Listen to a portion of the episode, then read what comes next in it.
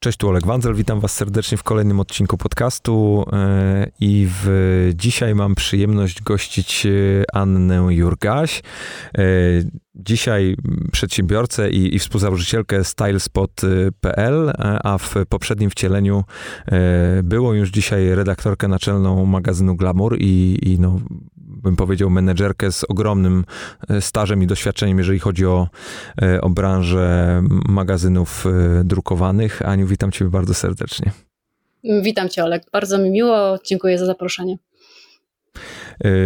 Słuchaj, na pewno dojdziemy do, do twojej dzisiejszej, do twoich dzisiejszych zajęć, zadań, wyzwań i, i, i celów, ale mm, zanim do tego dojdziemy, ja jednak bardzo wierzę w to, że to, czego gdzieś człowiek doświadczył w przeszłości, w dużym stopniu nas e, kształtuje.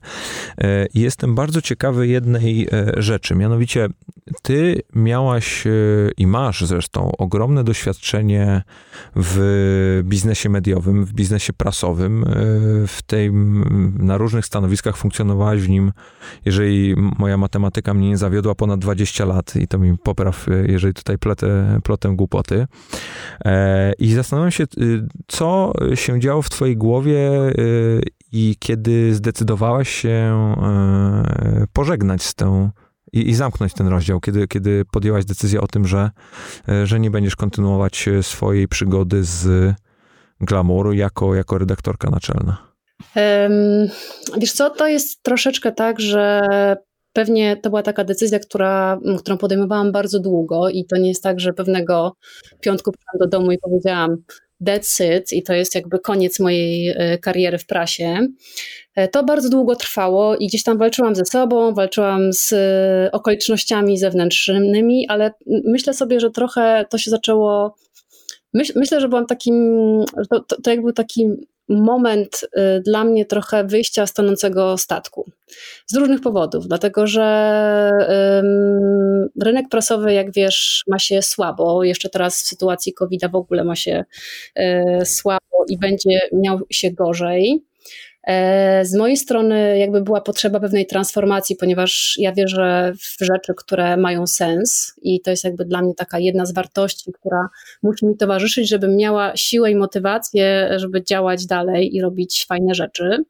No i trochę nastąpił taki moment, że ja uznałam, że to po prostu nie ma sensu i wszelkiego rodzaju jakby propozycje i zmiany, pewnej transformacji, tam wiesz, to jest to jest magazyn dla młodych ludzi, który, y, który tak naprawdę w kontekście internetu i social mediów nie ma racji bytu, no ponieważ nikomu się nie chce wydawać 5 złotych na to, żeby poczytać coś, co może poczytać za darmo e, w internecie. Więc jakby cała sensowność tego przedsięwzięcia, mimo różnych prób z mojej strony, bo ja jestem dosyć ambitna i lubię jak coś jednak e, niesie coś za sobą, nie jest tylko czystą rozrywką, no, wiesz, to jest korporacja, jakby wydawnictwa są jednak korporacjami, które rządzą się swoimi prawami, które są i fajne, i niefajne.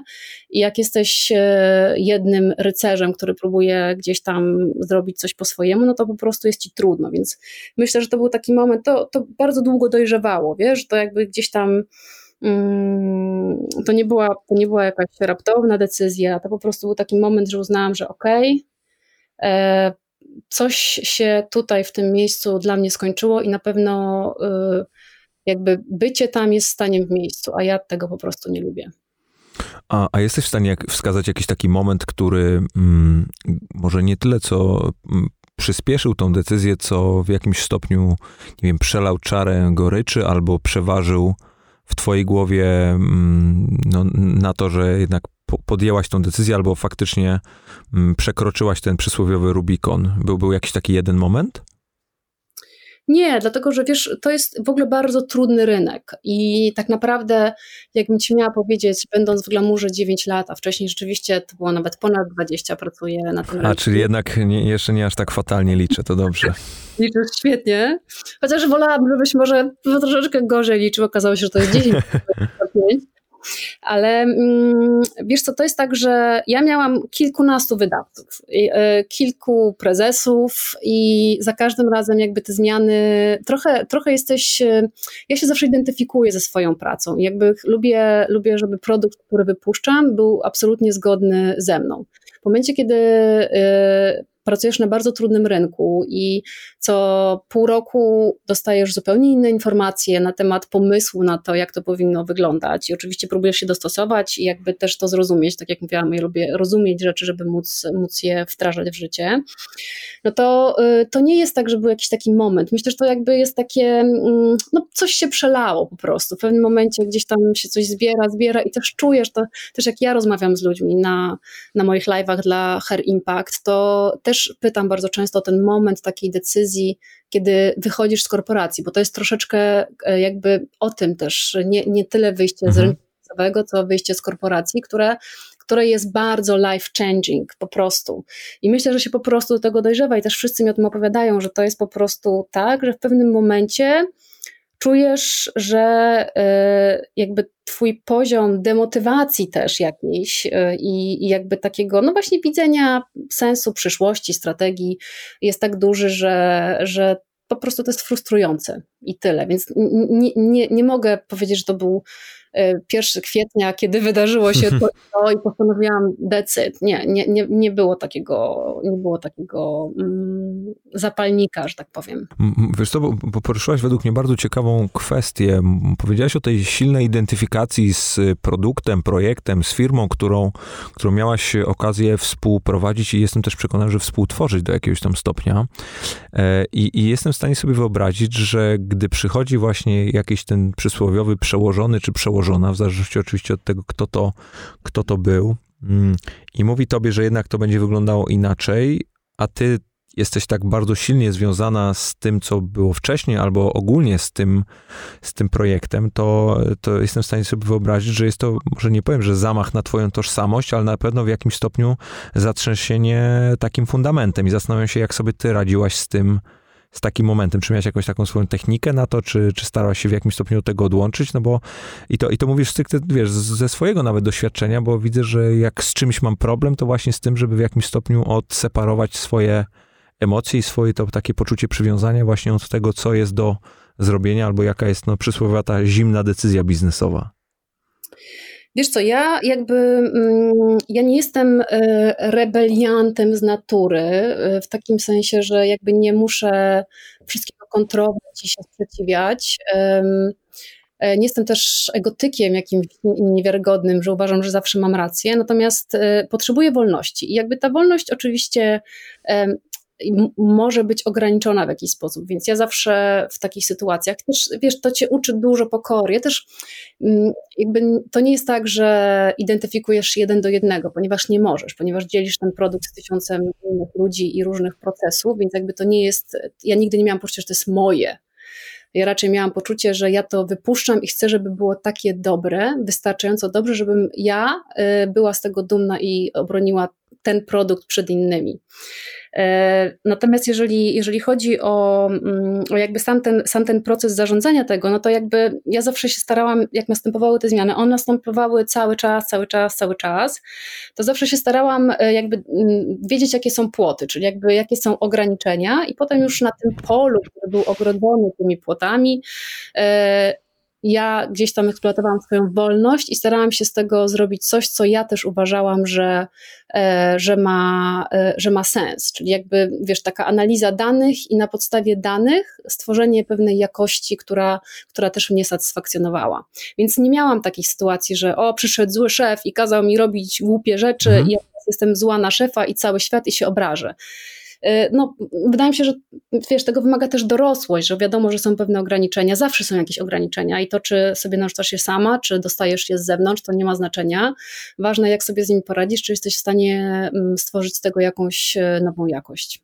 To mm, jesteś w stanie wskazać e, jakąś taką jedną rzecz albo albo zbiór takich rzeczy, których ty się nauczyłaś przez ten okres czasu, które według ciebie no, były takie faktycznie no, wpłynęły na ciebie i do jakiegoś stopnia z, ukształtowały twoje postrzeganie jakichś tam zjawisk?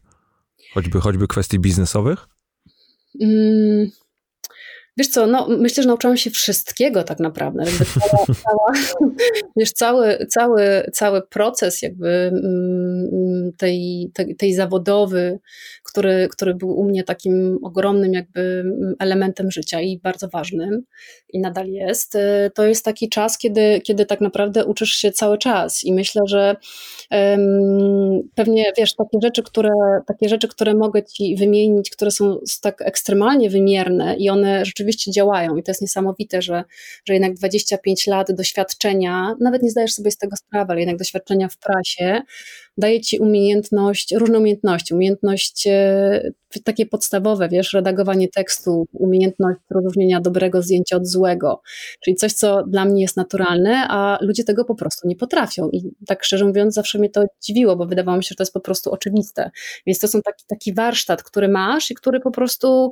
mm, powtarzany przez lata, ćwiczony przez lata, w zasadzie codziennie, to już mam wgrany, taki mam, mam na pewno na twardym dysku i myślę, że, że nigdy to się nigdy to się nie zmieni. To jest super fajne, bo to jakby można używać tego potem na, różne, na, różne, na różne sposoby, szczególnie teraz jak są, e, wiesz, jest e, cała komunikacja się ogromnie zmieniła i jakby dzieje się trochę przez social media, które troszeczkę rządzą się innymi prawami, ale jakby te narzędzia niektóre naprawdę, naprawdę zostają. To jest, jestem mega wdzięczna za, za całe to doświadczenie.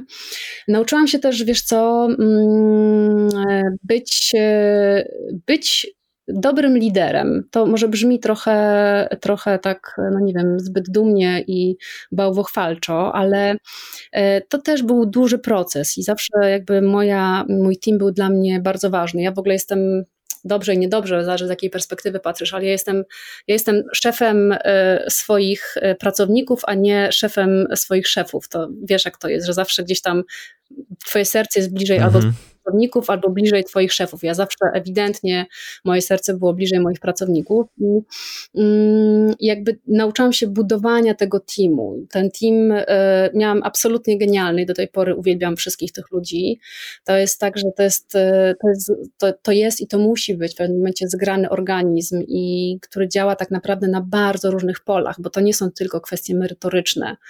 Y, to są też kwestie, dużo kwestii emocjonalnych, kwestii takich takiej dynamiki y, społecznej. Jakby to jest super ważne, żeby mm, mieć tego świadomość. Ja też zawsze pracowałam na potencjałach ludzi, czyli jakby nigdy trochę nie ani zatrudniałam, ani potem jak pracowałam, nigdy nie myślałam sobie o tym, co ten człowiek mi daje, albo jakie są jego możliwości na tu i teraz, tylko co on by chciał mi dać, bo gdzieś tam z tyłu ma więcej, bo wierzę w to, że największym motywatorem wcale nie są pieniądze i podwyżka, tylko to, jak człowiek gdzieś tam się rozwija i przekracza wiesz, swoje możliwości i wychodzi poza strefę swojego komfortu. Więc na pewno jakby to budowanie teamu i takie trochę menedżowanie teamu, bo ja nigdy to jest taki, wiesz, tak się mówi w tym nowoczesnym zarządzaniu, że trochę, trochę ci, ci dobrzy szefowie to są tacy moderatorzy grupy bardziej, a nie, a nie koniecznie ci, którzy, którzy, wiesz, są na przodzie z flagą i, i każą co robić, a tym bardziej kontrolują. Jestem beznadziejna w kontrolowaniu i nie wnoszę tego, więc nigdy tego nie robiłam i okazuje się, że im więcej też odpowiedzialności ludziom i wolności, tym oni bardziej się czują gdzieś tam zaangażowani i, i, i zmotywowani, co jest, co jest super super fajne. Wiesz co, jestem super wdzięczna jeszcze, że jak miała powiedzieć, bo teraz mi przyszło do głowy, ja miałam jedną panią prezes i tak jak sobie myślę o takim moim e, rozwoju w ogóle mm, też zawodowym, ale też jako człowieka zawodowego, jeżeli tak to można ująć, to miałam e, w pewnym momencie e, szefem burdy, prezesem burdy była Margaret Ann, taka kobieta, ona jest Irlandką, niesamowita i wydaje mi się, że ona ona dla mnie osobiście y, znaczyła bardzo dużo, bo ona mi pokazała zupełnie inny sposób myślenia o pracy, o, no, ona jakby o, o wszystkim. Ona naprawdę była takim, ona jest stworzonym inspiratorem. I myślę, że ona, tak sobie myślę z perspektywy czasu, to wydaje mi się, że ona tak naprawdę zmieniła mnie od środka jako, y, jako zarządcę, jako szefa. A, a w, w, jaki sposób się to odbyło? Bo jestem w stanie sobie wyobrazić, że mm, wiesz, to mógłby być to taka cichy wpływ, czyli no jak to mówią, wiesz, leading by example, czy różnego rodzaju rzeczy, czy wy rozmawiałyście, czy to było raczej na zasadzie pewnych sugestii? Jak, jak to się odbyło? Jak, w jaki sposób tą wiedzę czy inspirację pozyskałaś? Wiesz co, ona y, w ogóle zaczęła inaczej zarządzać. Czyli nagle się okazało, że pewne schematy, które funkcjonowały do tej pory, wcale nie muszą tak funkcjonować. I ona była absolutnie takim liderem by example, czyli takim, ona była takim userem, też namawiała nas do bliskiego kontaktu, do używania tych rzeczy, które robimy, bo wiesz, jest taka arogancja twórcy zawsze, jeżeli tworzysz produkt, że ci się wydaje, że ty wiesz lepiej, ale jeżeli nie jesteś heavy userem tego produktu, tak naprawdę nic nie wiesz, więc to jest super ważne, żeby jakby rozumieć ten, ten cały UX od drugiej strony. Natomiast ja, y, ona mnie zaprosiła do takiego programu, który stworzyła, ona też była, naprawdę, ona była super nowoczesną osobą, zrobiła nam taki kognitywny program o leadershipie, który, do którego mnie zaprosiła i tam byli przedstawiciele różnych jakby elementów całej organizacji y, wydawniczej, czyli byli ludzie, nie wiem, z, byli z zarządu, był właśnie, ja byłam redaktorem naczelnym, byli, y, były jakieś osoby z redakcji, byli też z online, jakby były takie, wiesz, taki Mm, trochę taka, e, taka grupa, która która, w której spotkały się wspaniałe perspektywy. I myślę, że ten program też bardzo mi pomógł spojrzeć na inne rzeczy. On się wydawał dosyć abstrakcyjny, bo myślę, że dla człowieka, który wiesz, e, myśli o KPI-ach, no to on nie miał żadnego sensu, no bo my zadawaliśmy sobie pytanie dlaczego, dlaczego i po co, siedząc pod drzewem i, i jakby mm, bardziej to przypominało czasami takich studentów filozofii, którzy zastanawiają się, czy but jest butem, a nie tak naprawdę e, twardogłowych e, szefów i menadżerów e, wydawnictwa. Ale wydaje mi się, że to mi gdzieś tam mm, kompletnie inaczej poukładało to moje myślenie o jakby o zarządzaniu i o tym, że tam jest ogromna przestrzeń do zagospodarowania jeszcze. I to mm, myślę, że to był taki super początek myślenia inaczej o tym. Hmm, a, a, była jakaś taka nie wiem, jedna rzecz, którą ona do ciebie powiedziała, albo którą z nią gdzieś połączyłaś, czy, czy, czy, czy bezpośrednio jesteś w stanie, jak, jak sobie o niej myślisz, to, to myślisz o jakiejś konkretnej jednej rzeczy, czy jakimś sloganie, jakiejś poradzie, jakimś e, cytacie, nie wiem, to są zazwyczaj bardzo takie proste, proste rzeczy, które dopiero z e, biegiem czasu zazwyczaj nabierają odpowiedniej siły i znaczenia. Wiesz co, jestem beznadziejna o złotych myślach. nie zapamiętuję. Wiesz co, nie. No, znowu, tak jak pytasz się o punkt, no to jakby ja chyba w ogóle inaczej myślę o czasoprzestrzeni i różnych rzeczach. Jakby mało jest tych punktów rzeczywiście. To są wszystko procesy. E, ona była cała taką osobą, która inspirowała. Do tej pory, jak z nią rozmawiam, to ona zawsze powie coś takiego z takiej strony i wydaje mi się, że to też jest, nie jest na poziomie w ogóle wiedzy albo tego, co powie, tylko na poziomie pewnej energii, za którą idziesz. Jeżeli widzisz przed sobą człowieka, który sam jest ciekawy, sam cały czas pogłębia jakby swoją wiedzę, cały czas szuka, znajduje, wiesz, ona, ona też jest taką osobą, która moim zdaniem totalnie wyprzedza swoje czasy w myśleniu, nie? czyli jakby nie jesteś w stanie tak nowocześnie myśląc, yy, dając taką wolność, yy, jakby rozumiejąc pewne rzeczy, yy, być w, tak, w takiej ustrukturyzowanej y, społeczności, jakim jest korporacja, bo no, jakby no, to, to, to, to nie, nie udźwignie, bo na koniec, wiesz, Burda jest niemieckim, y, niemieckim, y, niemiecką firmą, która kocha Excel i jakby Excel musi się zgadzać, chcąc, nie chcąc, nieważne, nieważne jakby, y, jakby jakie, za, za, jakie wartości gdzieś tam, gdzieś tam są pod spodem. E, więc nie było żadnego takiego punktu, natomiast ona sama swoją osobą, swoją ciekawością, swoją otwartością e, i tak jak mówię, taką energią, która po prostu była trochę szalona, ale dla mnie taka super inspirująca, naprawdę i bardzo odważna. Myślę, że ona gdzieś tam, że, że to było to, co mnie uwiodło mm, w niej.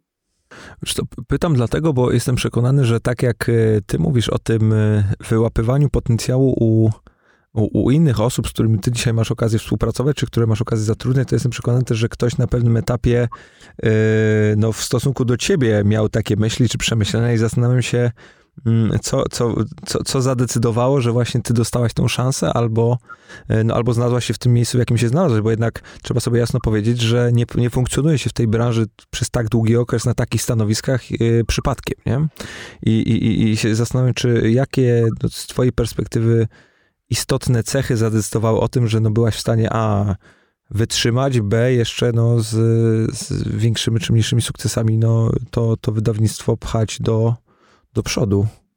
Czasami lubię myśleć o tym w ten sposób, wszystko wydarzyło się, tak, się dobrze ubrać, tak naprawdę.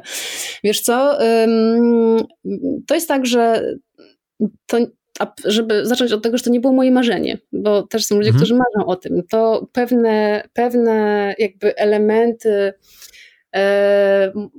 mojego życia e, tak się złożyły, że akurat e, w ogóle wylądowałam jakby w modzie i w prasie, no a potem to już jakby się potoczyło. Myślę, że wiesz co, ja jestem dosyć mm, mm, Pamiętam taką sytuację, która też mnie super zdziwiła. Mm, pracowałam wtedy w Edipressie, byłam naczelną e, Viv Mody i szefem działu mody w Vivie e, i przygotowywaliśmy e, Hot Moda and Shopping. To od początku takie, taki magazyn. I E, I słuchaj, ja to miałam być naczelną tego dodatkowo. Mm, ja po prostu, myśląc o tym, przygotowując to, po prostu złamałam tą gazetę sama. Znaczy, nauczyłam się InDesigna i po prostu sobie złamałam, bo uznałam, że ja chciałam zobaczyć, jak to będzie wyglądało.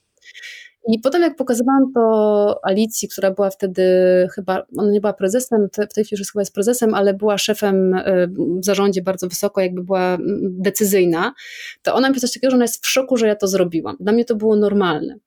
I myślę, że myślę, że to są takie rzeczy. Ma, masz, na myśli, masz na myśli wykonanie no, fizycznej, jakiejś tam bardzo technicznej, konkretnej pracy, która miała no, gdzieś tam e, pokazać twój tok myślenia, rozumiem, tak? Wiesz co, tak, mi się chciało, wydaje mi się, że to jest tak, że mm, no wiesz, normalnie wiesz jak to robisz, normalnie jeżeli przedstawiasz prezesowi koncepcję jakiegoś pisma, no to robisz wydzierki, znaczy do tej pory robiłaś wydzierki, wsadzasz to do skoroszytu i przychodzisz i opowiadasz o tym, co byś chciała. Ja zrobiłam magazyn po prostu sama, z ubraniami, z podpisami, jakby z układem, z rytmem, e, z, ze wszystkim.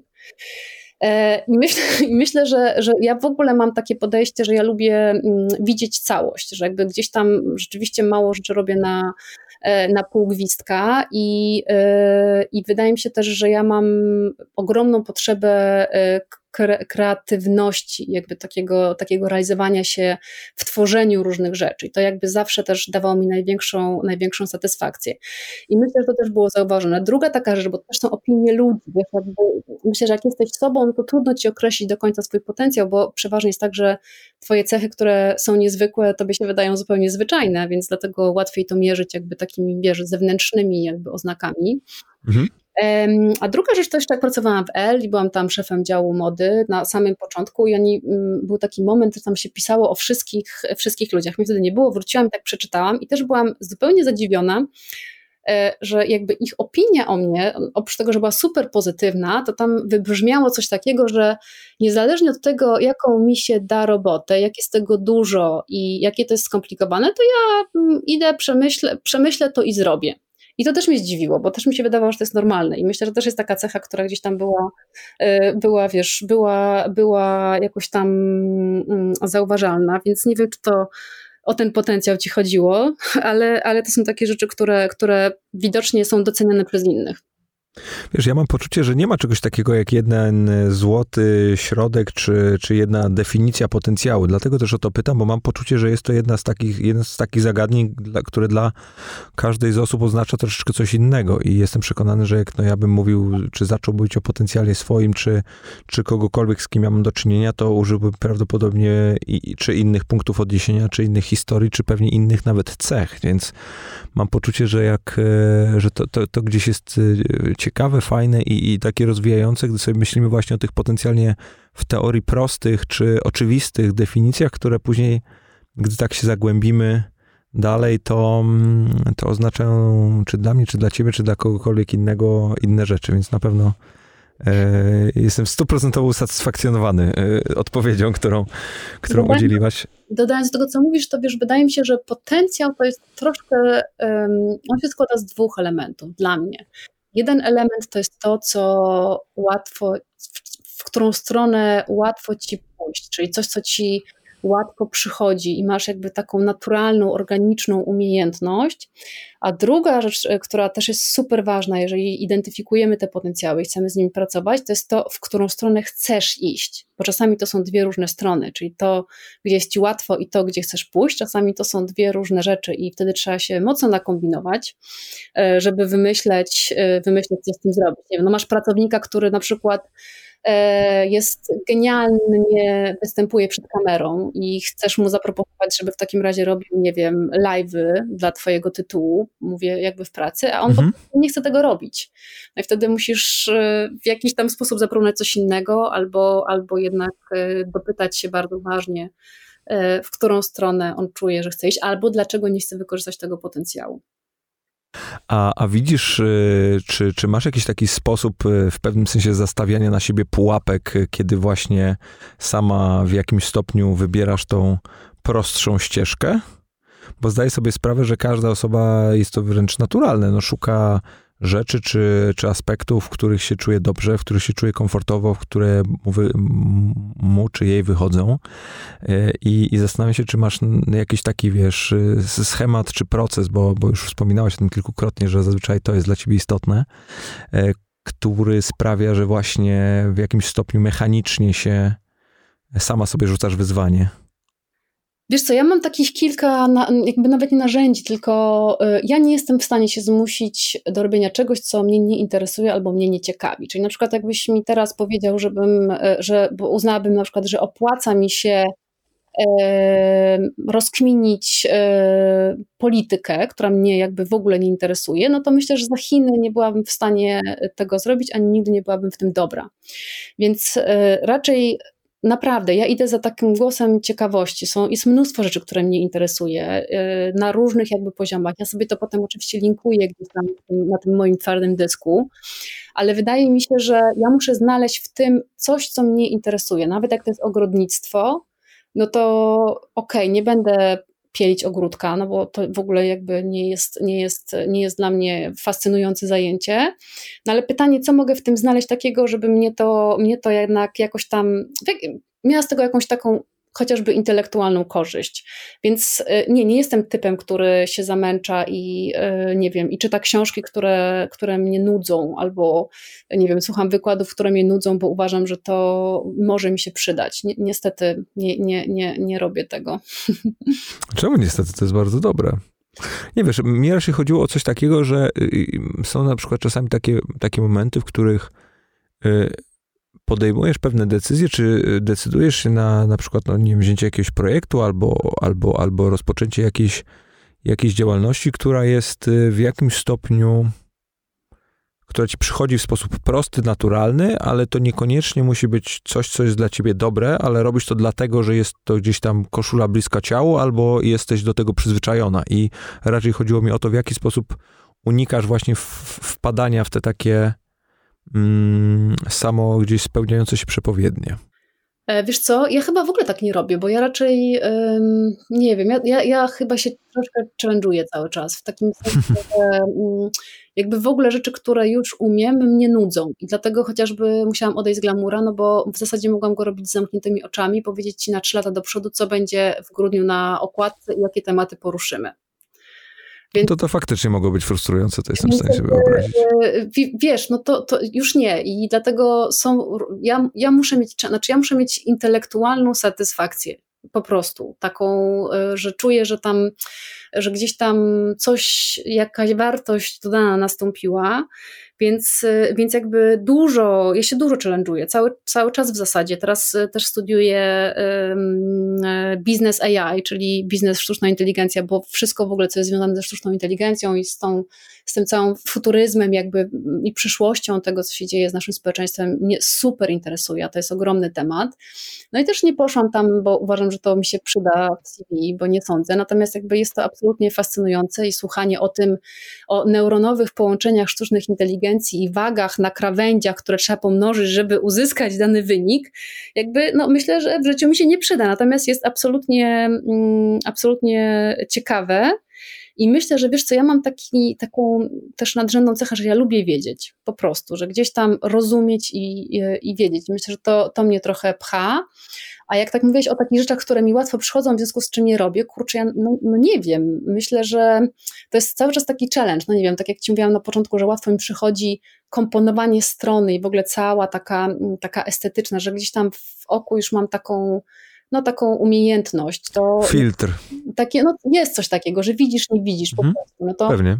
no to kiedyś to robił ktoś, no teraz sobie sama zaczęłam to robić, więc jakby cały czas jest gdzieś tam albo coś wymyślać, albo tak, więc jakby cały czas tam jest, jest jakiś taki mikro, mikro, yy, mikro rozwój. Mikrowyzwanie. Tak, i, i nie mogłabym robić czegoś, co, co już umiem, tak już super umiem. No słuchaj, no to w pewnym sensie można śmiało powiedzieć, że dość naturalnie dobrnęliśmy do, do jednej, według mnie, no bardzo istotnej kwestii, mianowicie no z pozycji, w której było bardzo wiele osób, e, które pracowały dla ciebie, na ciebie i, i tak jak powiedziałeś, zarządzałaś określonym zespołem i wyznaczałaś kierunek, no podjęłaś decyzję o zejściu na tą przedsiębiorczą ścieżkę, w której jest dużo więcej brudnej roboty, w której dużo więcej rzeczy musisz wykonać sam, często wręcz mm, dochodzisz do sytuacji, w której jeżeli ty tego nie zrobisz, to po prostu to nie zostanie zrobione. I zastanawiam się, co ciebie motywowałoby, by na tą ścieżkę y, gdzieś wstąpić, bo na pewno nie jest to ścieżka wygodna, przynajmniej na początku. Wiesz co, takim chyba nadrzędnym motywatorem u mnie to była potrzeba wolności. Ja jestem totalnie mm, niezależna i jakby, tak jak mówiłam o tych płotkach, co są wyznaczone, ja nadal mhm. sobie tam hasać jak chcę i wtedy jest dla mnie ok. Natomiast też, wiesz, to, wydaje mi się, że to też jest z wiekiem. Mm, następuje taki moment, że e, że no potrzebujesz wolności. Myślę, że ta wolność, jak sobie myślałam, jak jeszcze byłam w glamurze, jakby o takich, o takim, wiesz, mm, idealnym świecie, w którym, w którym chciałabym być, to pierwsze, co mi się pojawiało na myśl, to jakby ta, ta wolność i sam, samostanowienie, samoustawianie i myślę, że to było, to dla mnie było bardzo, bardzo, bardzo potrzebne. E, I e, powiem Ci, że potem nawet niedawno miałam jakieś propozycje powrotu do korporacji i nie jestem w stanie. Znaczy, jakby myśl o tym, że siedzę na open space albo nawet nie, e, jest odtąd dotąd i jakby nie, myślę, że to jest po prostu już dawno, dawno poza mną, więc ta decyzja była trochę w takim poszukiwaniu, poszukiwaniu siebie i oddechu, takiego naprawdę oddechu.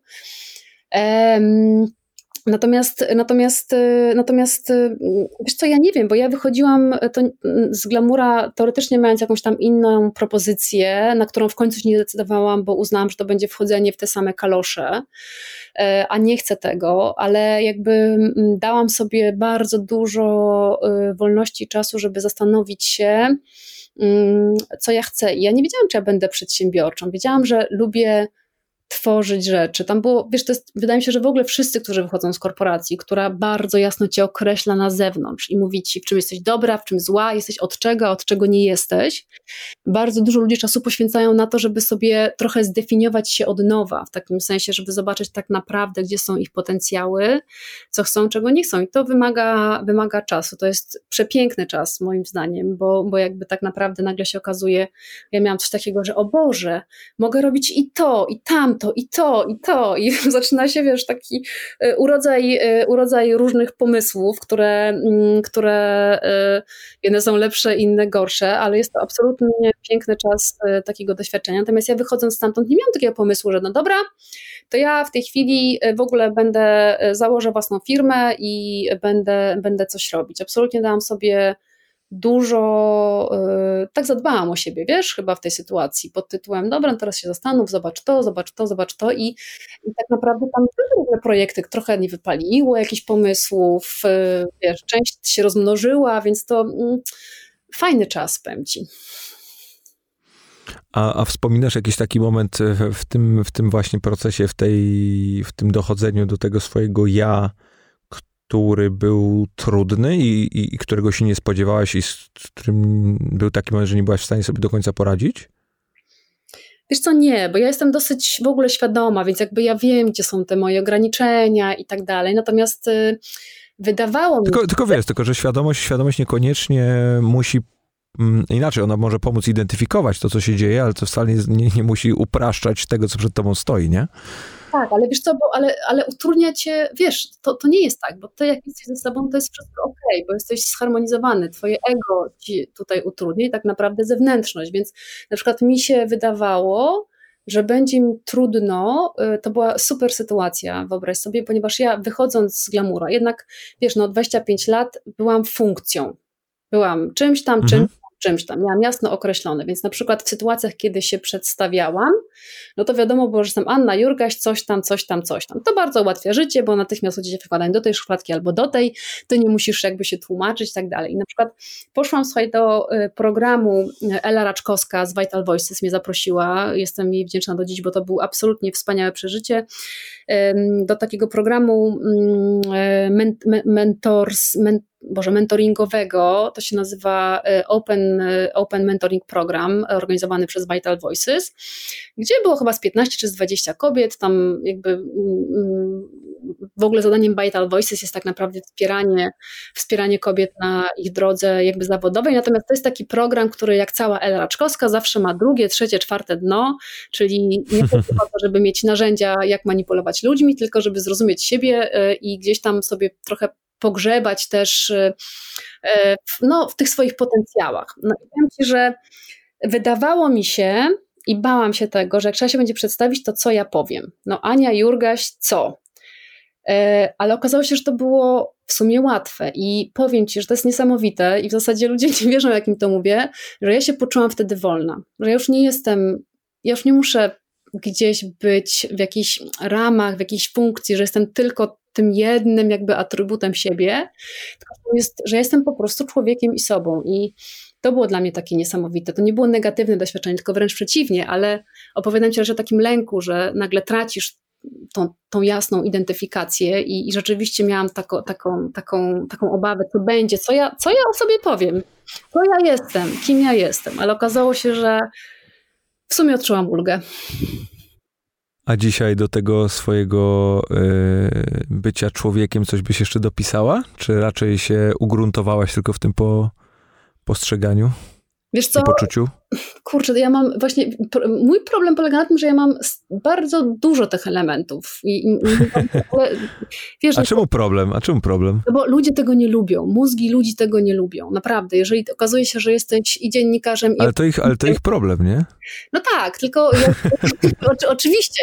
Tylko wiesz, to ty wysyłasz informacje, więc jakby starasz się, żeby było im prościej w jakiś tam, w jakiś tam sposób. Więc jakby dla mnie to że, że tam jest dużo tych rzeczy, ale gdybym miała się określić jednym, jakby, no wiesz, nie jestem, też jest, wiesz, miał taki problem, też rozmawiałam, miałam taką cudowną anielicę e, biznesu, która, która zajmowała się HR-em, prowadzeniem ludzi, jakby w ogóle przez ten cały taki rozwój e, human resources i miałyśmy mnóstwo rozmów na temat tego, no kim ja jestem i gdzie są te moje potencjały. I cały czas nam wychodziło, że tego jest za dużo. I ona mi tłumaczyła, że to muszę przyciąć, że jednak zdecydować się na jedno. A ja intuicyjnie czułam, że ja się nie chcę decydować na jedno, dlatego że, yy, no, że mam kilka, a nie jedno. Więc, więc yy, to, to było takie jakby trochę trochę, e, trochę trudne e, na początku. I też jak patrzysz sobie na moje CV, no zobacz, redaktor naczelny, co to znaczy? No ludziom się wydaje, że redaktor naczelny to układa napisy na okładka. Tak naprawdę redaktor naczelny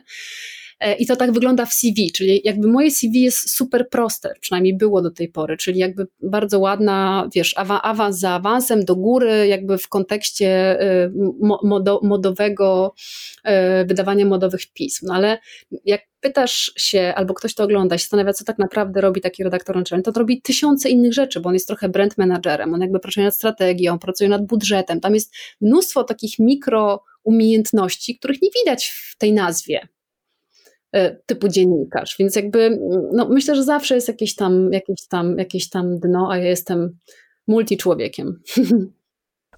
A, a, a spotkałaś się w ogóle z takim, z takim jakimś yy, czy przekonaniem osób, czy, czy, czy głosami, że y, no jeżeli, wiesz, odeszłaś po tak długim okresie czasu z tego miejsca, to na pewno coś było nie tak i, i ta historia, którą ty opowiadasz, jest na pewno w jakimś tam stopniu podkoloryzowana?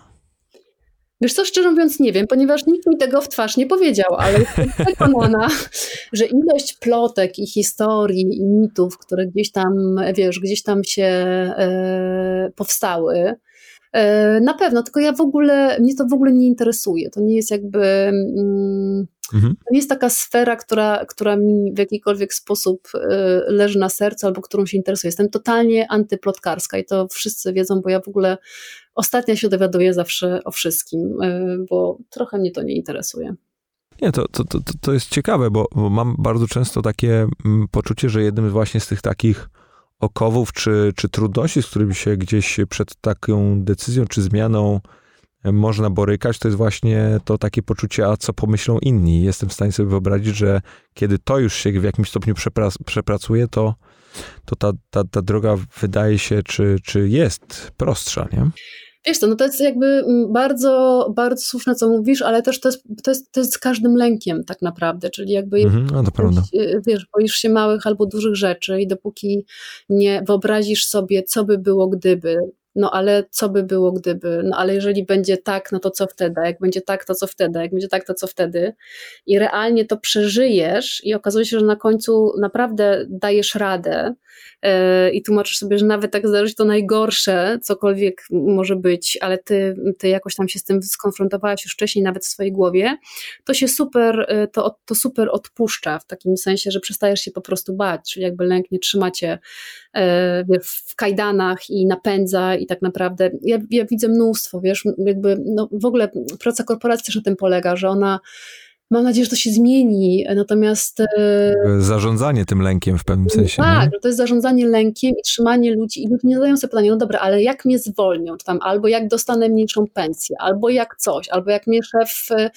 e, opierdzieli za przeproszeniem, no to co wtedy? No to nie zastanawiają, no ale co wtedy? No nic, no powiem przepraszam, tak, albo nie wiem, znajdę inną pracę, no ale jak nie będą go znać pracy, no to nic, no to wtedy pójdę, nie wiem, cokolwiek, cokolwiek. Więc oni sobie nie zadają tych pytań, nie dochodzą do takiego jakby dna den i nie, i nie, i nie konfrontują się z tym i gdzieś tam nie, nie przygotowują sobie nawet swojej wyobraźni, bo to nie jest strategia jakiegoś tam planu B i takiego poczucia, że no hej, no w zasadzie to sobie poradzę, tylko są drajwowani tym lękiem, no i wiesz, i kręcą się w tym kołowrotku jak ta myszka po prostu, będąc nie wiadomo za czym. Dużo mówisz o, o, o, wolności. Zastanawiam się, w, skąd u ciebie jest taka tak silna potrzeba tej wolności? Jakie, jaka jest geneza tego? E, wiesz co, nie wiem. Wydaje mi się, że no, wiesz, wszystko ma genezę gdzieś tam w dzieciństwie, nie? Jakby w, w, twoich, w twoich potrzebach, ale ja zawsze byłam trochę inaczej. Już, już, już, już się nie będę pytał o konkretny moment, spokojnie. pół roku u babci na wakacjach. Nie, to się nie wydarzyło. Wiesz co, wydaje mi się, że E, ja jestem dosyć wewnątrz sterowalna, e, czyli jakby ja wiem, kiedy jest dobrze i w zasadzie nikt nie jest w stanie tego podważyć. W takim sensie, że i to bardzo rzadko się zdarza oczywiście, czyli to nie jest tak, że się cały czas nagradzam i mówię sobie, ale jesteś świetna Ania, naprawdę, to jest super, co zrobiłaś. Jest niestety dość odwrotnie i też nad tym pracuję, e, ale wydaje mi się, że to wynika też z tego, że że ja od zawsze miałam takie poczucie, wiesz, jak robiłam prace domowe w szkole, że to ja mam być zadowolona, czyli jakby jak mi się podoba, to jest idiotycznie określenie, ale to trochę na tym polega, że jak mi się podoba, to znaczy, że to jest ok. I wydaje mi się, że to jest też ta potrzeba wolności, że jakby trudno mi mm, jakby, y, no, że sama sobie troszeczkę te, te, zasady, reguły, narzędzia do mierzenia tego, y, tego i tak wyznaczam, niezależnie od tego światu, świata zewnętrznego. Hmm.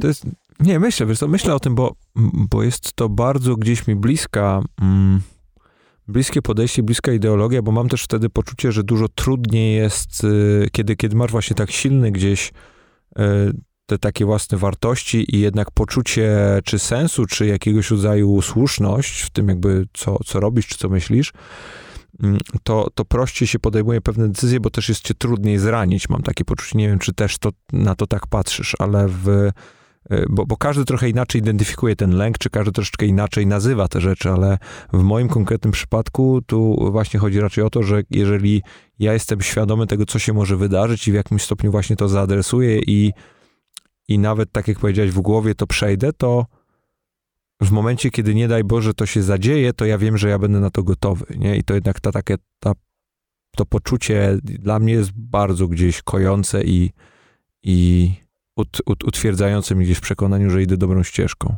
Tak, wiesz, no to są, to są te pytania takie, mm, No bo to jest proste ćwiczenie, które, którego ludzie po prostu nie, nie wykonują, ponieważ już na drugim etapie, no, albo na pierwszym pytaniu, ale co będzie gdyby, to już tak się boją, że nie są w stanie wejść w to głębiej, tylko starają się o tym nie myśleć, bo wydaje mi się, że jak oni o tym nie myślą, to tego nie ma. To jest nieprawda.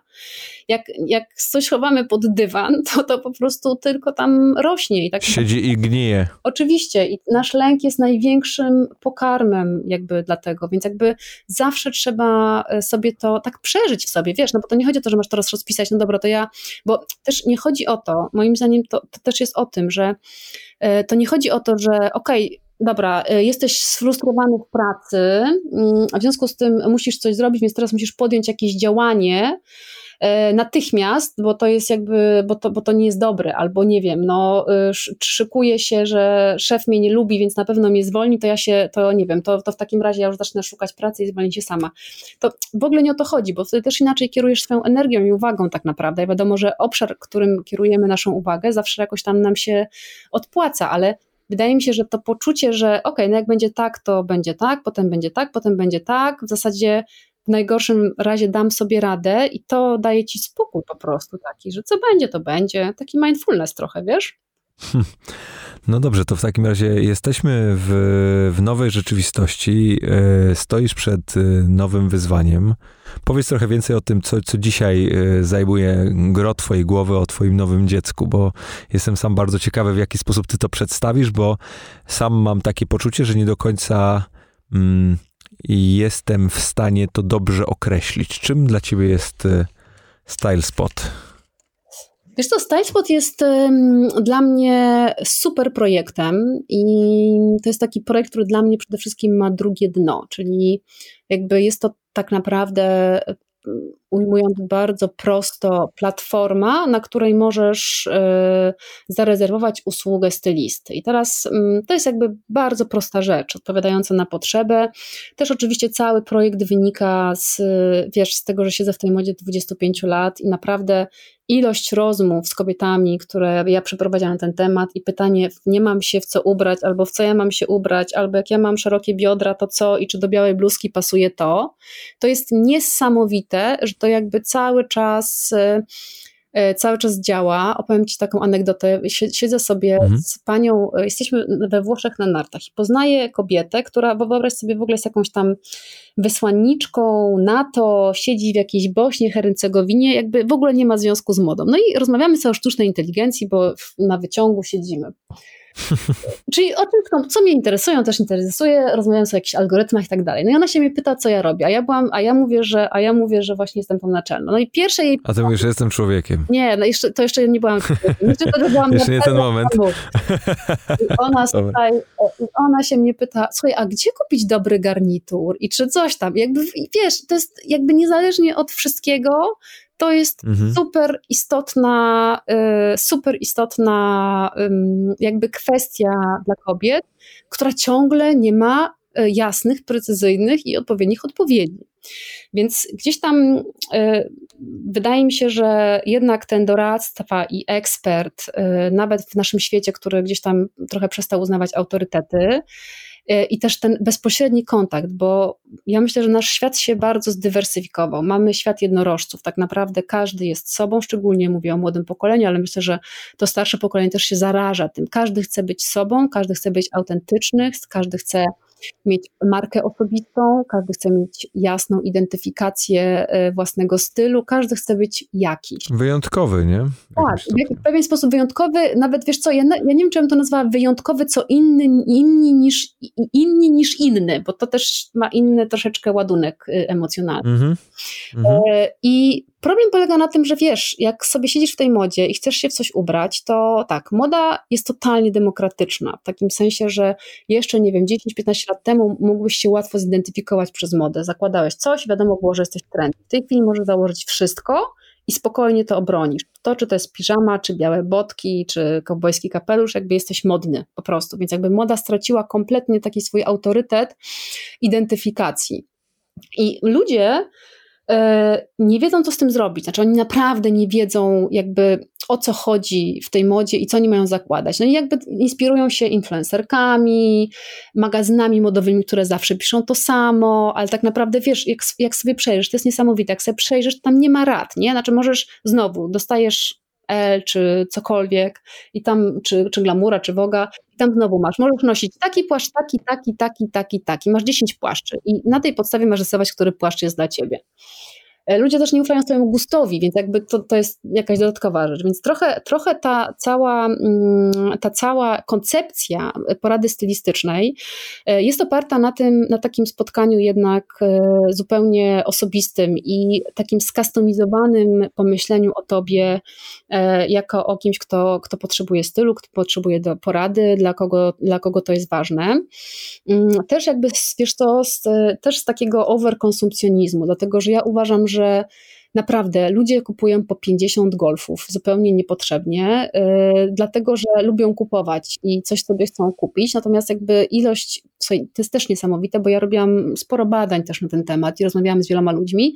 Głównym problemem yy, kobiet, yy, tak jeżeli chodzi o o ubieranie się. Wcale nie jest to, że nie mam się w co ubrać, mam za mało rzeczy, tylko nie mam się w co ubrać, mam za dużo rzeczy. Jakby ilość rzeczy, które mają kobiety, które nie mają się nijak do siebie, jest zatrważająca i totalnie je przytłacza, więc jakby taką, wiesz, taką weryfikację, więc trochę to też jest takie sustainable myślenie o tym, czyli jakby okej, okay, mm, zainwestuj w dwie sukienki i stylistę, które będziesz nosił na całe życie, będą pasować i będą w jakiś sposób budować twoją szafę kapsułową, a nie kupuj sobie 50 y, na przecenach, bo potem naprawdę nie wiesz, y, nie wiesz co z tym zrobić, więc jakby tam było dużo różnych takich przesłanek, które, które miały na celu na celu jakby mm, umożliwienie przeciętnemu konsumentowi e, zarezerwowanie takiej, e, takiej usługi, bo też wiesz, no nie wiem, jesteś panią z Sochaczewa na przykład, albo nawet panią z Gdańska, no i co masz zrobić? Masz, no nie weźmiesz, nie,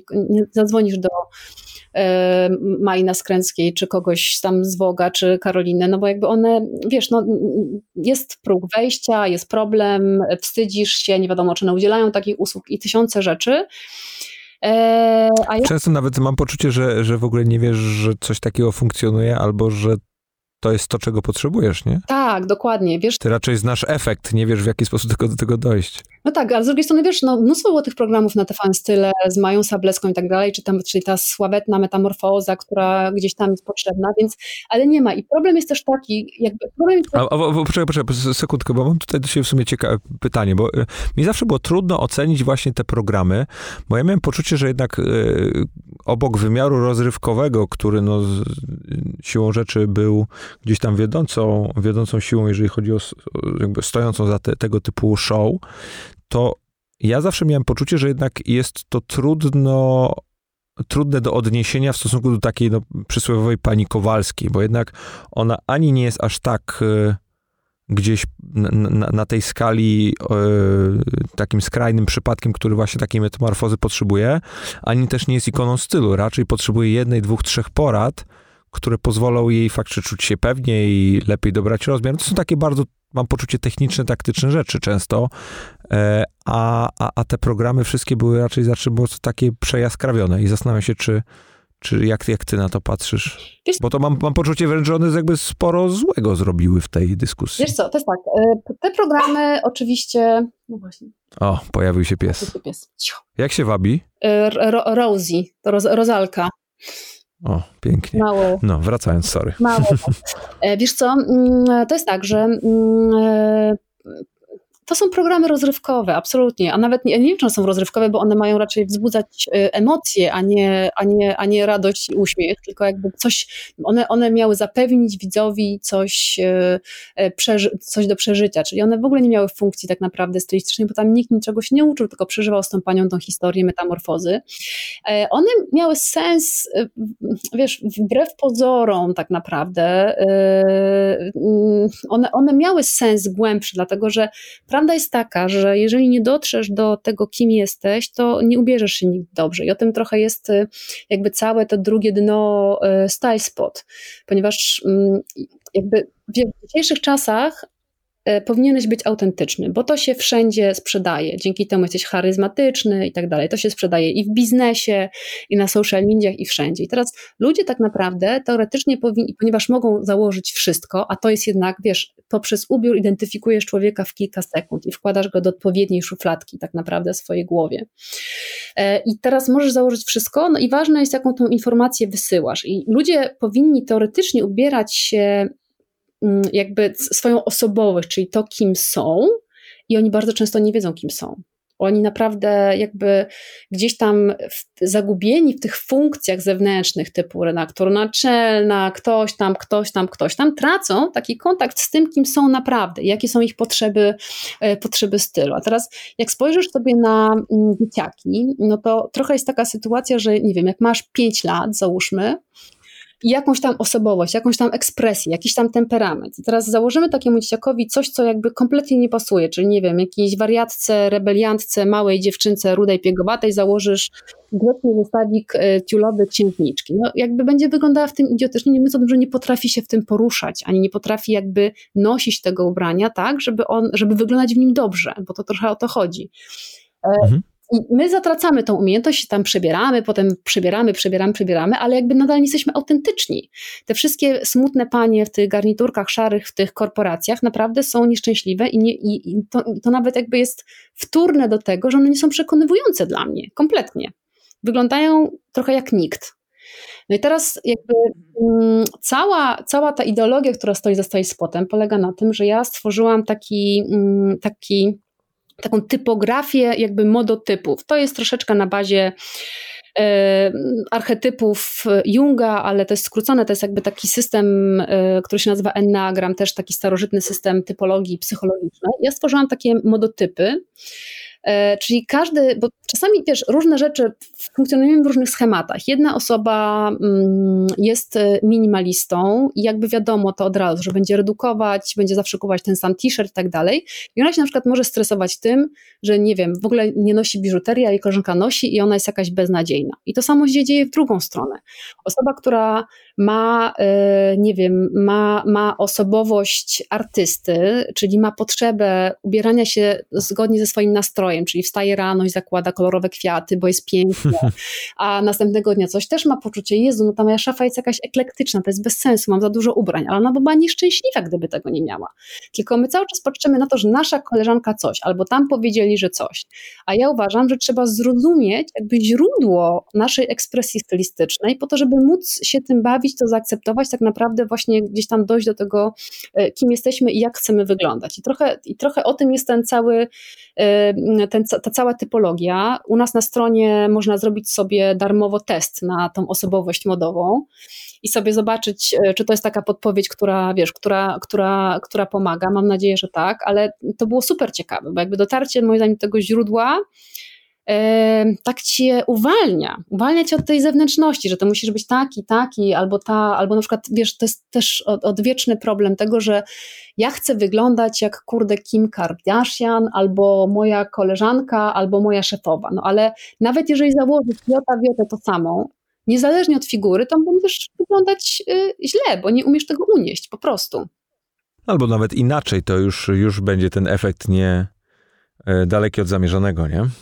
No, nawet wiesz, no jakby po prostu nie, nie uzyskasz tego efektu, bo, bo ja, ja się śmieję zawsze, wiesz, że to nie, to nie jest tak, że sukienka ubiera nas, tylko my ubieramy sukienkę i to naprawdę zależy od nas, jakby i też jakie my mamy poczucie akceptacji siebie w tym, ale wydaje mi się, że ta akceptacja to jest też jakby e, zrozumienie siebie, bo czasami jak się dowiadujesz, no dobra, no ty jesteś taki i taki i taki i mówisz, hmm, rzeczywiście, to się zgadza, to, to masz dużo większą jakby taką, e, wiesz, zaczynasz dbać o siebie jakby, jakby, jakby w tym i to jest super ważne. Celowo nie mówię tutaj o figurze i o kobietach gruszkach i paniach jesieniach, ponieważ e, to jest dla mnie największy. Paniach jesieniach? No. To jest Nie mam pojęcia o czym mówisz, ale brzmi to groteskowo co najmniej. Słuchaj, wyobraź sobie, że to nadal funkcjonuje. Właśnie dlatego powiedziałam, że Stylespot jest super jakościowym. Mamy najlepszych stylistów, którzy naprawdę się znają na robocie. Mamy Jasię Chorodyńską, Pawła Marczewskiego, Agnieszkę Martynę, która jest genialna od biznes dress code'u, Magdę Bulerę, która doradza wielu markom modowym i robi personal branding. Więc naprawdę takich super ekspertów, których ja sama, za których sama mogę jakby poświadczyć y, własnym, y, własnym życiem oraz sercem.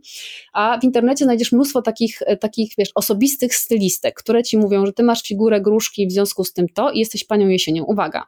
Więc kobiety dzielą się na cztery typy. Jesień, zima, tam jak pory roku. No i teraz jak jesteś panią jesienią, to masz takie włosy i pasuje do ciebie taka chustka, bo jeszcze jest tak zwany test chustki, czyli przykłada się do ciebie chustkę.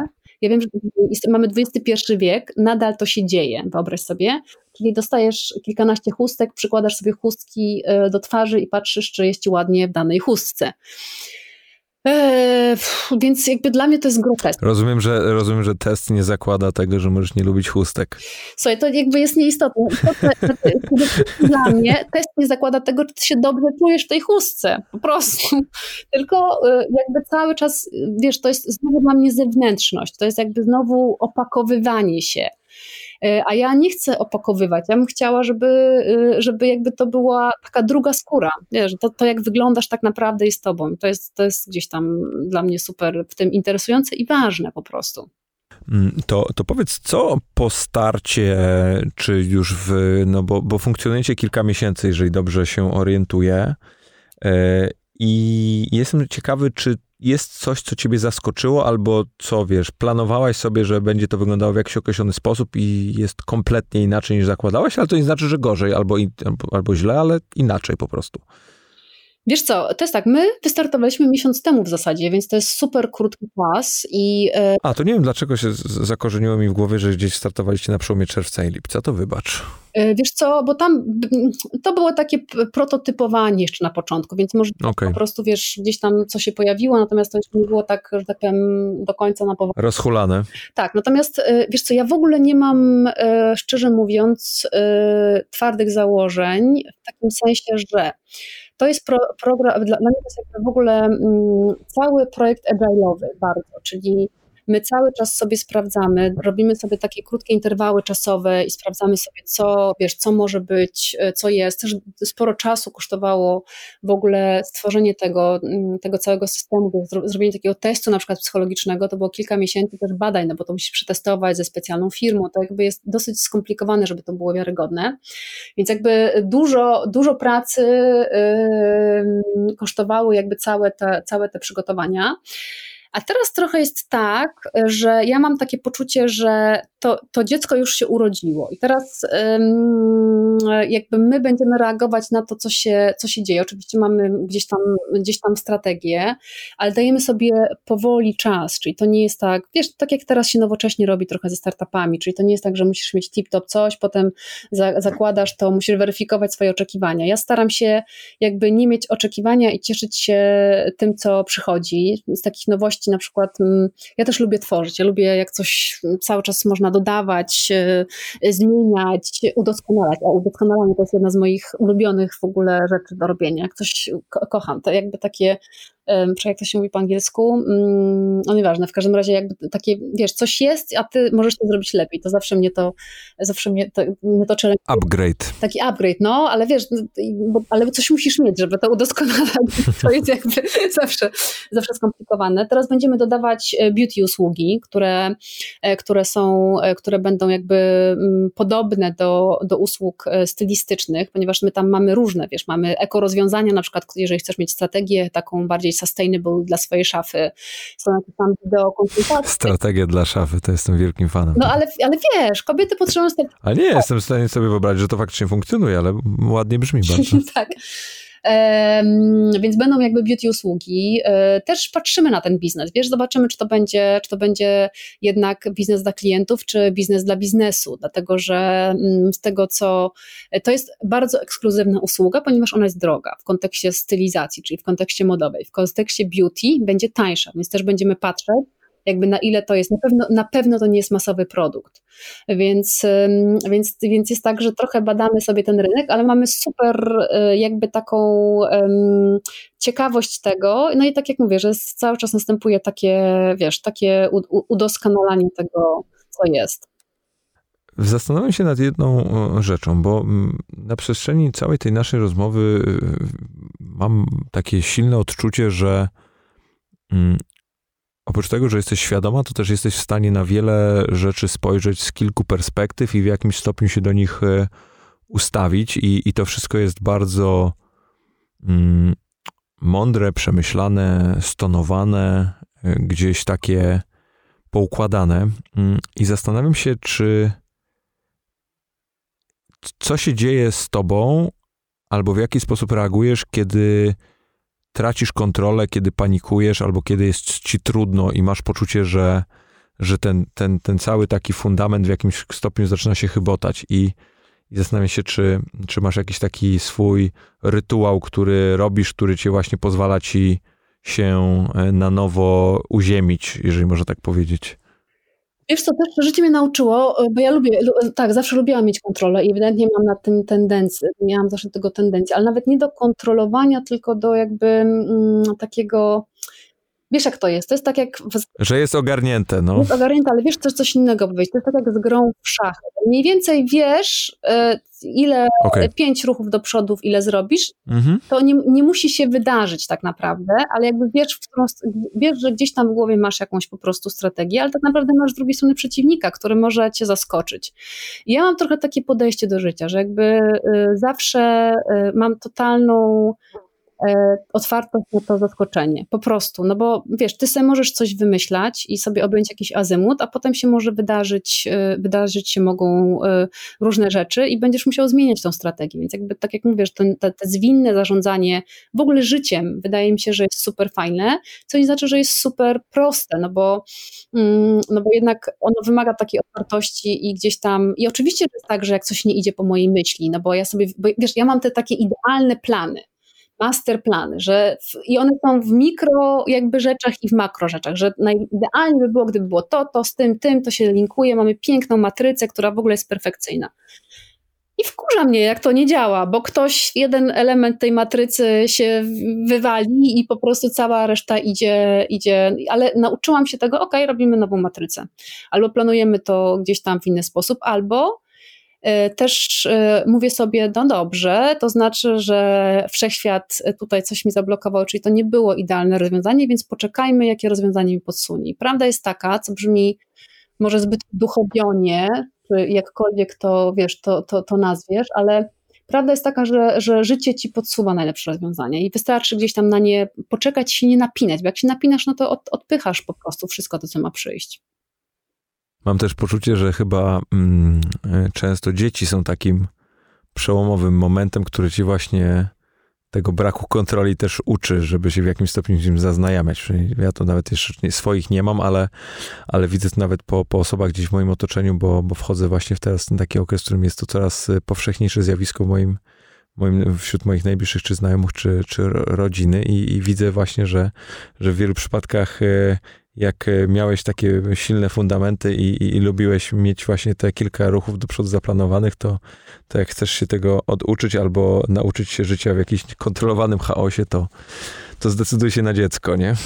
Tak, znaczy wiesz, dziecko jest spotkaniem e, po prostu z innym człowiekiem, z którym jesteś super związany i nad którym nie masz w ogóle żadnej kontroli tak naprawdę. Możesz mieć czucie, że ci się wydaje, że coś tam kontrolujesz albo że coś tam kierujesz, ale prawda jest taka, że też oczywiście jest kwestia egzemplarza, ale, ale na, tak naprawdę, no to to jest, wiesz, wielkie lustro, no dziecko, kurczę, nagle ci się pojawia, wszystkie twoje słabości wychodzą e, w takim, wiesz, prze, przejaskrawionym tak naprawdę, e, naprawdę wymiarze, więc to jest taka ogromna nauka. E, no i tak, to jest po prostu wielka nauka odpuszczania, odpuszczania, odpuszczania. Jak sobie ty w ogóle z tą rolą radzisz? No bo zdaję sobie sprawę, że to też może być kompletnie inny, inna rzeczywistość, nie? Wiesz co, ja uważam, że macierzyństwo mnie totalnie uziemiło, że to jest coś takiego, co y, polecam wszystkim, niezależnie jakby od trudności, no bo może być trudniej, łatwiej, wiesz, tak jak mówię, w zależności od tego, jaki dostaniesz egzemplarz, bo nie zrobisz go, po prostu dostajesz. I to też jest praca z potencjałami, czyli dostajesz dziecko, które ma jakiś potencjał i możesz to zepsuć, albo możesz to wzmocnić, to już jakby zależy od ciebie, od twojej świadomości.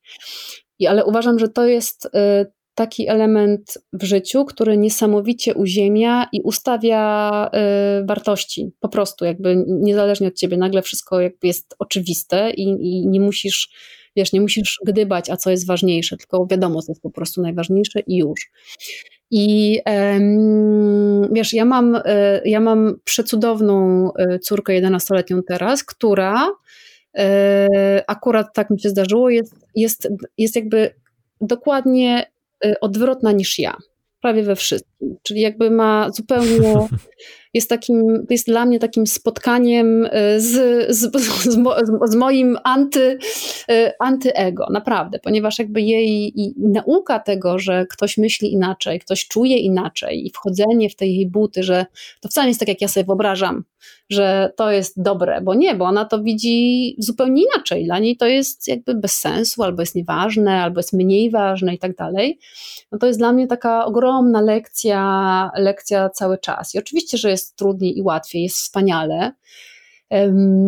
Natomiast, natomiast no, jest to lekcja pokory i E, wiesz co, i dla mnie to, co powiedziałeś o tych perspektywach, to jest po prostu też taka totalna lekcja, e, wiesz, innej perspektywy, ale tak mam ja, natomiast myślę, że jest, wiesz, dużo osób, które mają jakby, no nie wiem, mm, wiesz, takie mm, mm, dusze jednakowe i wtedy jakby to też pewnie ten proces zupełnie inaczej gdzieś tam przebiega, ale tak czy inaczej to jest, to jest wspaniałe i uwielbiam być mamą i jakbyś mnie pewnie zapytał, jakbym miała powiedzieć y, Ania Jurgaś, kto, i miałabym brać tylko jedną rzecz, to pewnie bym powiedziała mama. To bardzo fajne. Mam poczucie, że, że to, y, to jest taki moment y, w Twoim życiu, którym faktycznie mm, pojawia się coś kompletnie nowego, nieoczekiwane, jest jakby w wielu przypadkach nieoczekiwanego i E, I, I właśnie tak jak powiedziałeś wcześniej o, o Stylespot, że jest to to dziecko, które się narodziło i teraz dopiero mamy szansę je kształtować, to, to jest to gdzieś e, z jednej strony fenomenalny proces, z drugiej strony jestem w stanie sobie też wyobrazić, że też wiąże się z ogromną ilością tego lęku, o którym już e, dość długo rozmawialiśmy, nie? Że jednak nie wszystko pójdzie tak, jak byśmy chcieli, albo tak, jak byśmy sobie wymarzyli, albo tak, jak sobie, no, nie, nie boję się tego sformułowania, zaplanowaliśmy, nie? Wiesz co, ale właśnie nie, przepraszam, no, jakby ale, się z tobą... Słuchaj, po pierwsze, po pierwsze się możemy nie ja nie, jestem, ja nie jestem rodzicem, więc ja tutaj sobie tylko fantazjuję, nie? Mhm. Wiesz co, jeżeli chodzi o style spot, to, y, to to jest trochę inaczej, no bo jakby tutaj y, my jakby z założenia to, to było ja naprawdę nie mam wygórowanych oczekiwań. I to jest jakby... A nie, wiesz co, mi teraz akurat do dzieci chodziło. A, wiesz co, no z dziećmi... że, że, że po prostu użyłaś w kontekście styles pod tego, tego sformułowania i to, i to gdzieś mi się połączyło. No, tu, tu, jest, tu jest jakby, no, to jest, wiesz, to jest inaczej, nie? no bo to jakby, jeżeli, jeżeli tak jak mówiliśmy o tym, że się identyfikujesz z produktem, za przeproszeniem, i to, co mówiliśmy o tym, że identyfikujesz się z glamurem, ponieważ tam jest dużo innych elementów, które wchodzą i mogą to, to jednak bardzo często identyfikujesz się z dzieckiem. I to też jest dużo pracy wymaga, żeby to, e, wiesz, że, dziecko nie jest tobą, jakby nie jest twoim światem, jest oddzielnym światem i ma prawo do swoich błędów, swoich decyzji, e, wiesz, nie, nie jest zrośnięte. I to jest rzeczywiście, to, to jest super proces i na pewno brak oczekiwań, o Boże, jest super ważny, ale jest tak trudny, naprawdę, y, do, do, gdzieś tam do weryfikacji takiej wewnętrznej, że to jest no, ciągła praca. Nie, słuchaj, na, na koniec chciałbym jeszcze dosłownie zahaczyć o jedną, o jedną kwestię, bo mm, nie ukrywam, że to w sumie dzięki tej gałęzi twojej działalności się w ogóle o, o takiej osobie jak Anna Jurgaś mhm. Dowiedziałem, bo jednak z prasą drukowaną, oprócz tego, że z samą prasą drukowaną nie mam za dużo wspólnego i jej nie konsumuję, to już z kobiecą prasą drukowaną to już e, kompletnie. E, ale e, powpadałem na wiele twoich rozmów w ramach już wspomnianego przez ciebie cyklu Into the Leader's Mind, który współtworzysz razem z platformą Hair Impact i mm, nie ukrywam, że nie pamiętam, żebym wpadł na czy to podcast, czy jakiegoś rodzaju formę właśnie rozmów z ludźmi, która yy, oprócz tego, że zrobiła na mnie wrażenie, to też miałem poczucie, że bardzo dobrze czuję się jako jej yy, odbiorca i, i zastanawiam się, yy, co jest dla ciebie najistotniejsze w momencie, kiedy ty wchodzisz do jednego pokoju z osobą, z którą za chwilę masz rozmawiać, czego, czego szukasz, na czym tobie zależy, wchodząc w taką rozmowę, czy to fizycznie, czy wirtualnie? Wiesz co, ja muszę lubić tą osobę. Ja mogę jej nie znać, ale, ale myślę, że dla mnie jest bardzo ważne, że ja ją lubię i że jest dla mnie ciekawym rozmówcą. Tak jak Ci mówiłam, że ja gdzieś tam intelektualnie cały czas y, potrzebuję te, te, tego wysiłku i takiego, no, że tam wiesz, stykają mi neurony i ja wtedy jestem, jestem szczęśliwa i usatysfakcjonowana. Więc myślę, że jakby ja mam mnóstwo sympatii i ciekawości do moich rozmówców. I nawet czasami sobie myślałam, słucham, nie wiem, w TOK FM tych politycznych wywiadów czasami i powiem Ci, że jakby w życiu bym się do tego nie nadawała. Jeżeli miałabym być agresywna, atakująca i takim sprytnym dziennikarzem, który wyciąga jakieś straszne rzeczy, to bym się z tym strasznie źle czuła. A tutaj raczej yy, ja po prostu naprawdę mam mnóstwo, mnóstwo sympatii do, do, moich, do, moich, do moich rozmówców i wydaje mi się, że oni to czują. A jest jakaś taka cecha twoja, e, która według ciebie jest najistotniejsza w tym, że te osoby się e, właśnie z tobą tak czują? Bo, bo to, co jest według mnie istotne i to, co bezwzględnie czuć e, jako odbiorca, czy, czy słuchacz, czy słuchaczka, że tam jest może nie, powiedzieć, że dobra energia to jest takie bardzo ogólne, ale jednak czuć, że jest dobra atmosfera i i jakieś takie brak barier, ciepło, nie wiem jakby to nazwać, komfortowa sytuacja bardzo takiej rozmowy, która sprzyja, jak, jak świetnie wiesz, y, pogłębionym, pełnym refleksji rozmową, nie? Wiesz co, ja nie wiem, czy ja mam taką cechę, bo znowu wiesz, naprawdę, bo to, to jest znowu o tych cechach, które może masz, ale o nich nie wiesz tak naprawdę i dopiero ktoś ci mówi, że one są. Mm, myślę, że czy ja mam poczucie, jak tak tego słucham, że efekt końcowy bezwzględnie to w jakimś stopniu pokazuje i determinuje. To znaczy, wchodząc na Twoje rozmowy, czujesz, że oprócz faktycznego, szczerego zainteresowania i tej sympatii, mm, o której już wspomniałaś, jest to, że te osoby z jakiegoś powodu decydują się na to, by się przed Tobą otworzyć. Hmm, wiesz co, ja, ja, sama nie wiem, jak to się dzieje, szczerze mówiąc. Naprawdę, mówię ci zupełnie uczciwie, bo miałam już bardzo dużo różnych e, rozmówców e, w zasadzie. Większość z nich, e, wiesz, pewnie trochę łatw, łatwiej mi jest, no bo, no bo mm, większość tych ludzi mnie kojarzy albo, albo wręcz zna, czyli jednak nie rozmawiasz z jakimś zupełnie obcym człowiekiem, tylko jednak gdzieś tam nasze drogi w jakiś sposób mikro albo makro się, się przecięły. E, więc myślę, że, mm, że jest coś takiego. Wydaje mi się też, że tak jak mówię, że ja, wiesz, to ja po prostu naprawdę jakby daję dużo mm, takiej, staram się dobrej energii, ale też tej takiej ciekawości, takiej akceptacji, wiesz, bo to też trochę o to chodzi, że niezależnie od tego, co powiesz, to dostajesz, dostajesz wsparcie i akceptację, plus ja gdzieś tam sięgam też głębiej i to było super ciekawe, wyobraź sobie, bo na przykład miałam takich, taki potem feedback po kilku rozmowach, że zadałam takie pytania, które tym ludziom y, kazały się zastanowić nad tym, bo na przykład nigdy się nad tym nie zastanawiali i że to było jakieś tam spojrzenie z innej strony. I wydaje mi się, że to też jest takie naturalne, że ludzie się angażują w tą rozmowę, bo sami rozkminiają nagle, bo dostają coś, co hmm, no rzeczywiście, że w ogóle nie myślałam, że to można od tej strony ugryźć i dlatego, wiesz, jakby tracisz tą formę swoją taką, że tutaj udajesz mhm. tym i tym, tylko po prostu tak naturalnie i, i normalnie wchodzisz w to, bo, bo sama chcesz wiedzieć, jaka jest odpowiedź na, na, na, na, na moje pytania. I może to, może, może to też trochę o tym jest. Aniu, to życzę Ci bardzo wiele jeszcze takich pytań zadanych i postawionych przed Tobą w, w przyszłości. Bardzo Ci dziękuję za, za Twój czas, bo y, na pewno mnie również y, ta rozmowa do wielu refleksji skłoniła. bardzo dziękuję, Olek. I miłego dnia Tobie oraz wszystkim naszym słuchaczom. W przypadku, jeżeli ktoś dopadnie nas wieczorem, to miłego wieczoru. Pozdrawiamy.